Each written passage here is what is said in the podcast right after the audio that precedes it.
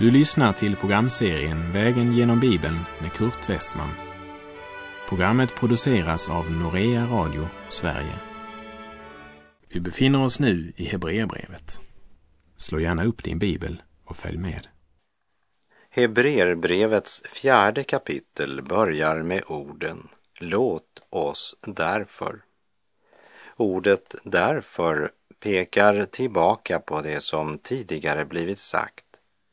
Därför läser vi de fem sista verserna från kapitel 3 som en inledning till vår vandring genom Hebreerbrevets fjärde kapitel. Hebreerbrevet kapitel 3, verserna 15 till och med 19. Det heter Idag om ni hör hans röst, så förhärda inte era hjärtan som när era fäder väckte min förbittring. Vilka var det då som väckte förbittring fastän de hade hört hans röst? Var det inte alla de som Mose hade fört ut ur Egypten? Vilka var han vred på under 40 år? Var det inte det som syndade och blev liggande döda i öknen? Och vilka gällde eden han svor, att det aldrig skulle komma in i hans vila, om inte dem som var olydiga? Vi ser alltså att det var för sin otros skull som det inte kunde komma in. En hel generation gick miste om uppfyllelsen av löftet därför att de i otro vägrade inta landet. Stryk ett tjockt streck under orden för sin otros skull. Vi läser Hebreerbrevet 4, vers 1. Låt oss därför med fruktan se till att ingen av er visar sig bli efter på vägen, när nu ett löfte att komma in i hans vila står kvar. Grundtonen är att det väntar en sabbatsvila på Guds folk. Men han har just talat om dem som blev liggande döda i öknen. Alla dessa som för sin otros skull inte kom in i vilan. Att vara människa, vara skapad till Guds avbild, betyder att människan fått rätt rätten att själv avgöra sitt öde genom att antingen svara ja eller nej. Låt oss därför med fruktan se till att ingen av er visar sig bli efter på vägen, när nu ett löfte att komma in i hans vila står kvar. Den gamla Kina-missionären Asbjörn Åvik från Norge, som jag hade privilegiet att lära känna innan han för några år sedan gick hem till Herren. Han hade sin gärning i Kina innan kommunisterna övertog makten. Och han berättade följande från den tid då rödgardisterna härjade. Vid den tiden såg man många flyktingströmmar i Kina, skaror på flykt. Och där dessa flyktingkaravaner drog fram var det alltid någon som blev liggande efter när de försökte fly undan. Ofta var det äldre eller sjuka som blev liggande efter. Men en gång såg jag en ung liten pojke som blev liggande kvar vid vägkanten utan att någon märkt honom. Eftersom jag talade deras språk gick jag bort till den lille som blivit liggande efter när det stora flyktingföljet dragit vidare. Hur är det, lilla vän, sa jag. Är du sjuk? Han såg på mig och svarade Nej, inte sjuk, men jag har inte fått mat på länge. Han var undernärd, hade inte fått nog föda. Och i den stilla vardagen i sin kinesiska landsby var det ingen som la märke till att han hade blivit så svag. Det var först den dagen när man skulle fly det blev uppenbart att han saknade kraft. Han hade inte fått nog med mat och resultatet var att han blev liggande efter på vägen i den mest avgörande stunden. Undrar, sa Asbjörn Åvik, om inte det är hemligheten med många kristna bekännare. I vardagen märker man inte alltid deras svaghet. Men i den avgörande stunden kommer det att visa sig. De blir liggande efter på vägen. Och orsaken?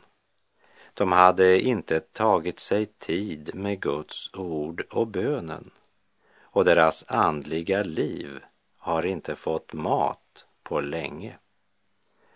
Vi läser Hebreerbrevet kapitel 4, verserna 1 och 2.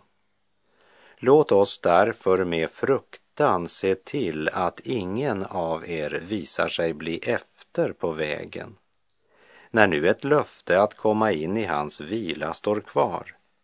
Ty evangeliet har predikats för oss liksom för dem, men för dem blev ordet som de hörde inte till någon nytta eftersom det inte genom tron hade smält samman med dem som hörde det.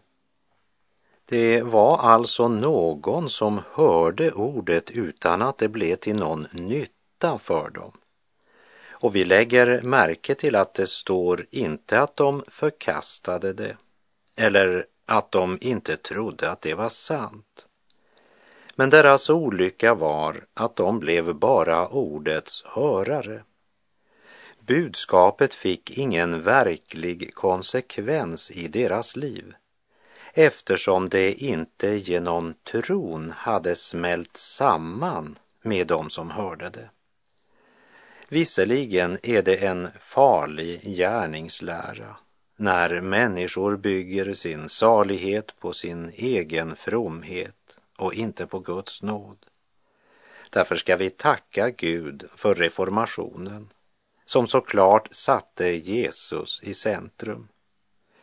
Samtidigt som jag måste säga att många nu hamnade i ett annat dike där man faktiskt förkunnar det fullbordade frälsningsverket på ett sådant sätt att det faktiskt blockerar nådens fortsatta verk i människan.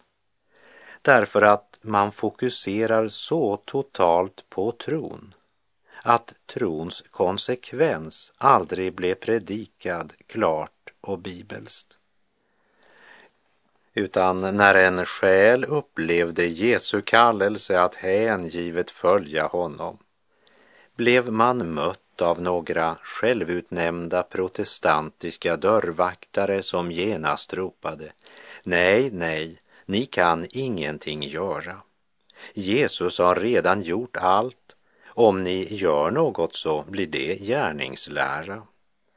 Och genom att blanda samman grunden för vår frälsning och frälsningens konsekvens hindrar man den helige Andes gärning och nådens fortsatta verk i människan.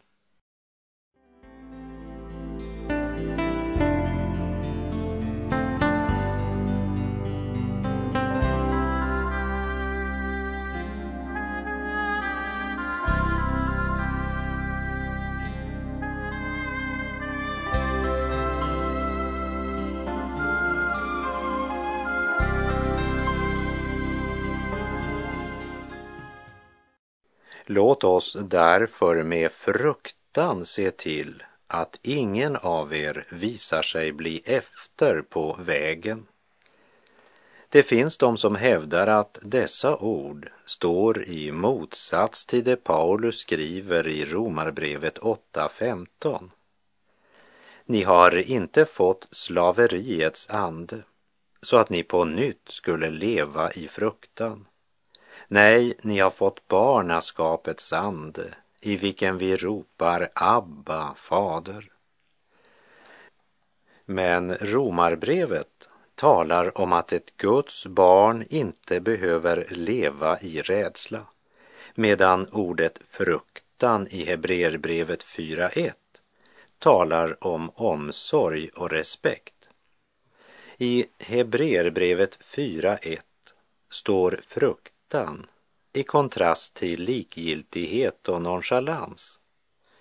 I Romarbrevet 8.15 står fruktan som kontrast till trygghet. Vi har inte fått slaveriets ande. Vi lever inte i fruktan utan i en salig visshet, en trygghet och glädje i vilken vi ropar Abba, Fader. Och just därför att barnaskapet är så underbart måste vi se till att vi inte blir efter på vägen och missar målet. Börjat är inte detsamma som avslutat. Därför skrev också Paulus till de troende i Filippi, i Filipperbrevet 2, vers 12. Därför, mina älskade, liksom ni alltid har varit lydiga, så arbeta med fruktan och bävan på er frälsning. Inte bara som när jag var hos er, utan ännu mycket mer nu när jag inte är hos er.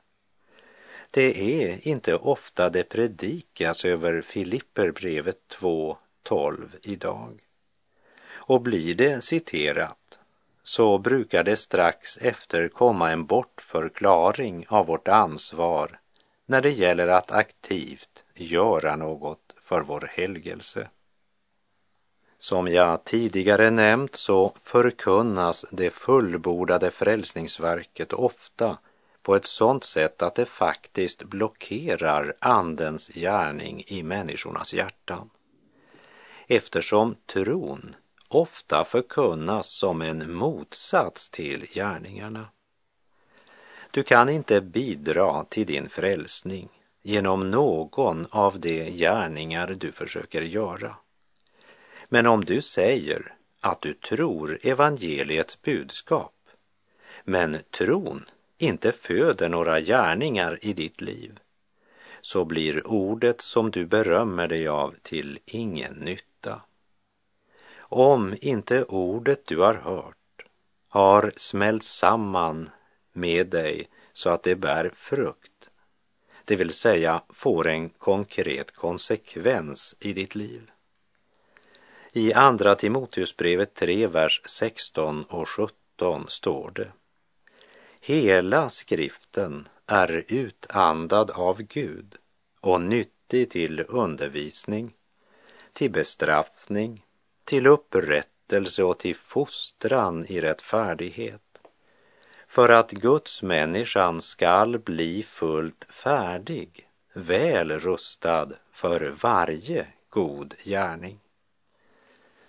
Den undervisning skriften ger, den bestraffning och den upprättelse och inte minst den fostran Guds ord ger, den har ett mål. Det är att Guds barn skall utrustas för goda gärningar. Därför bör även du arbeta med fruktan och bävan på din frälsning, så som Guds ord säger. Låt oss därför med fruktan se till att ingen av er visar sig bli efter på vägen, när nu ett löfte att komma in i hans vila står kvar. Ty evangeliet har predikats för oss liksom för dem. Men för dem blev ordet som de hörde inte till någon nytta eftersom det inte genom tron hade smält samman med dem som hörde det. Mose förde Israels folk ut från träldomen i Egypten, men han lyckades inte föra dem in i kanan. Men under Josua ledning intog de kanan, men långt ifrån alla. En hel generation kom aldrig längre än till öknen.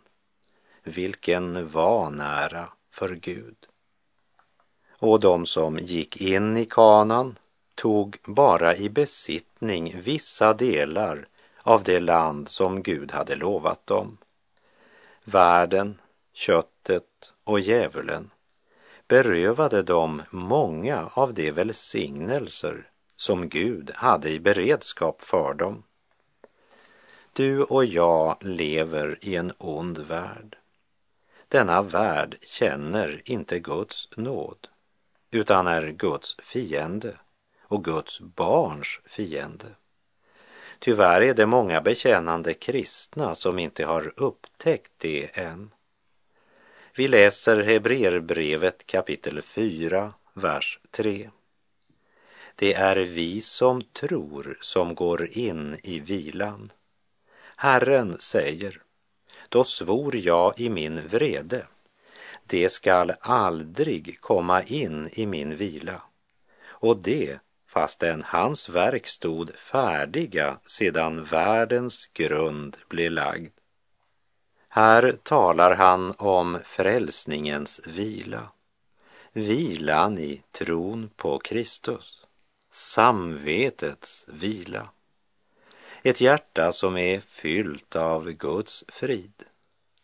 Vilan står inte här som en kontrast till trons gärningar, men som en kontrast till all egen strävan, en kontrast till ovisshet. På resan från träldomslandet och till Kanans vila, och då vill jag än en gång påminna att Kanan är inte en bild på himlen, men på det liv i Kristus, där vi äger all den himmelska världens andliga välsignelse. Men på denna resa, från träldomshuset och till Kanans vila, som skulle bli deras när de i tro intagit landet. På denna resa var det som många blev liggande efter på vägen och kom aldrig in i den vilan till vilken de hade förlossats. För Gud förde dem ju ut ur träldomen för att föra dem in i kanan. Josua förde inte folket in i den vila som är det slutliga målet för Guds folk, men in i den vila som Gud har berett för var och en som i tro intar Guds löften. Men Guds slutliga mål för dig och mig är högre än kanan nämligen den eviga sabbatsvilan. Och Hebreerbrevet visar oss att i den nya pakten är det ett folk som kämpar sig fram mot det målet. För som det står i Hebreerbrevet 4.8 Ty om Josua hade fört dem in i vilan skulle Gud inte längre fram ha talat om en annan dag.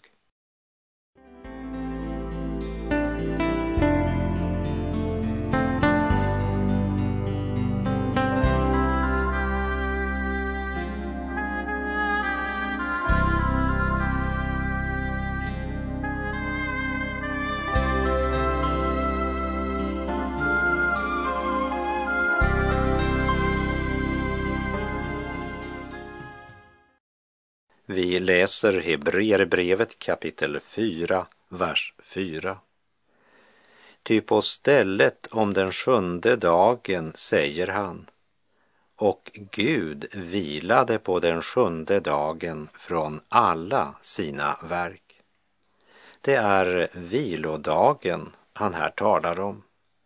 På den sjunde dagen vilade Gud från alla sina verk.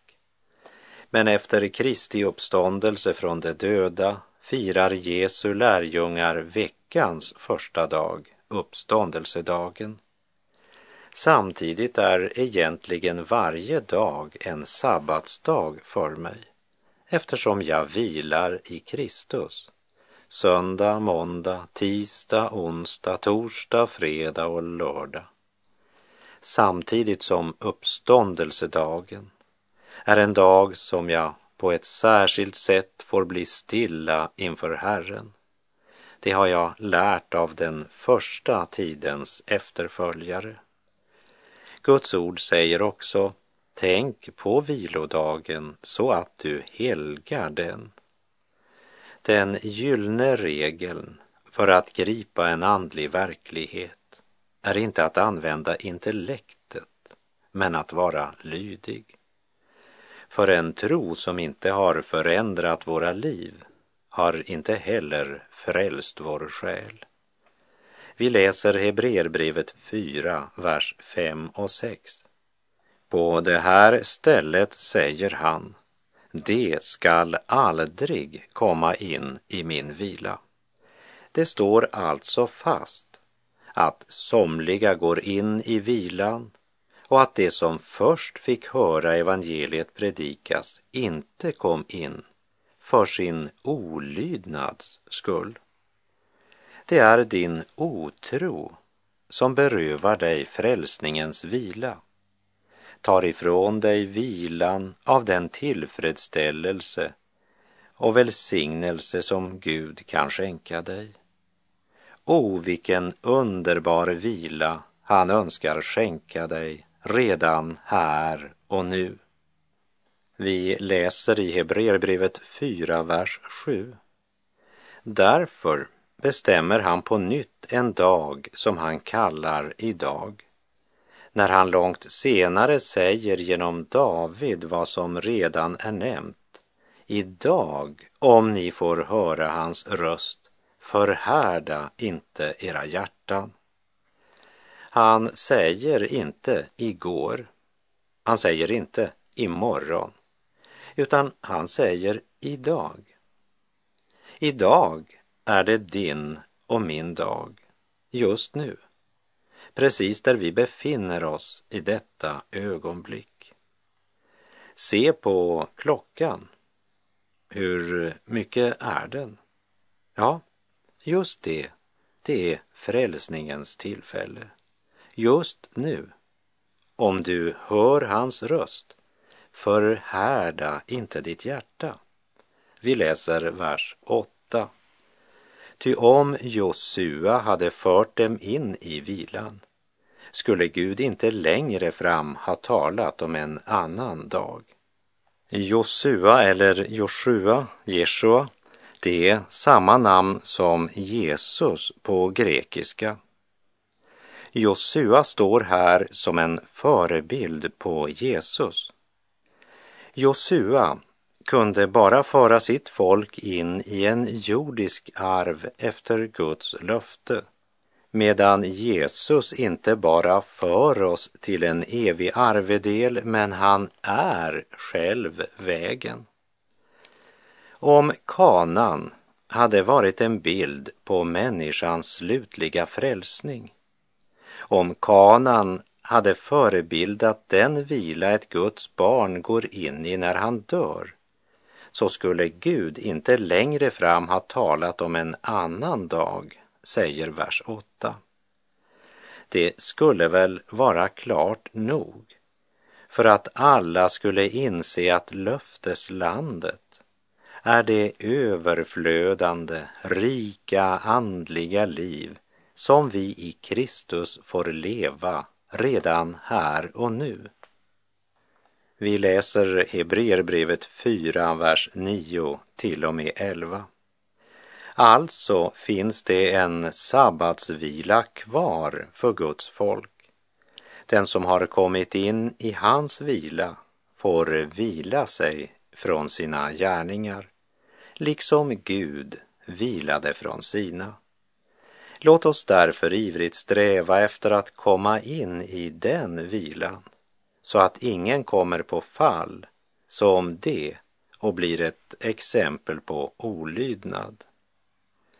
Låt oss därför ivrigt sträva efter att komma in i den vilan. Hur ofta har du hört den texten predikas? Om texten överhuvudtaget blivit läst så har man sedan under sken av att det är evangeliet man förkunnar bortförklarat människans ansvar genom att säga att Jesus har fullbordat allt, du kan ingenting göra. Det är sant att striden för din och min frälsning, den är redan fullbordad. Där kan du ingenting göra.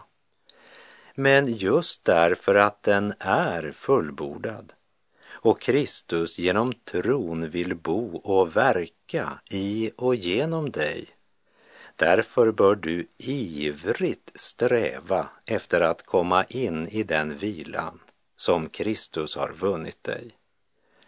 Det är inte all förkunnelse av nåd som är Guds nåd.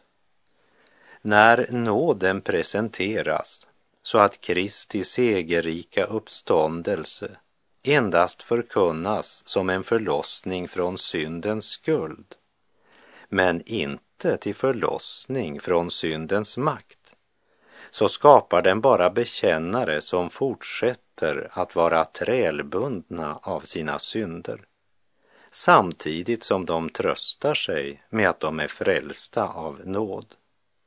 Reformatorn Luther, han kallade det för en död tro. Att tro att Kristus dog, det är historia. Att tro att Kristus dog, uppstod och nu lever och verkar i dig är frälsning. Den lärjunge som inte ivrigt vill sträva efter att komma in i löfteslandets vila kommer att komma på fall och blir inget annat än ett exempel på olydnad. Priset för din frälsning, den är redan till hundra procent betalad av Kristus. Det är Guds gåva till dig som Gud erbjuder dig alldeles gratis. Samtidigt måste vi ha klart för oss att det kostar allt att ta emot den gåvan. Ingen hinner fram till den eviga ron som sig ej eldigt framtränger. Själen måste utstå en kamp för den tron varpå vår salighet hänger. Porten kallas trång, vägen heter smal. Hela Herrens nåd är ställd uti ditt val. Men här gäller tränga, ja, tränga sig fram annars är himlen förlorad. Låt oss tänka över den sanningen tills vi hörs igen om du vill och om Gud låter oss båda få en ny morgondag. Herren vare med dig. Må hans välsignelse vila över dig. Gud är god.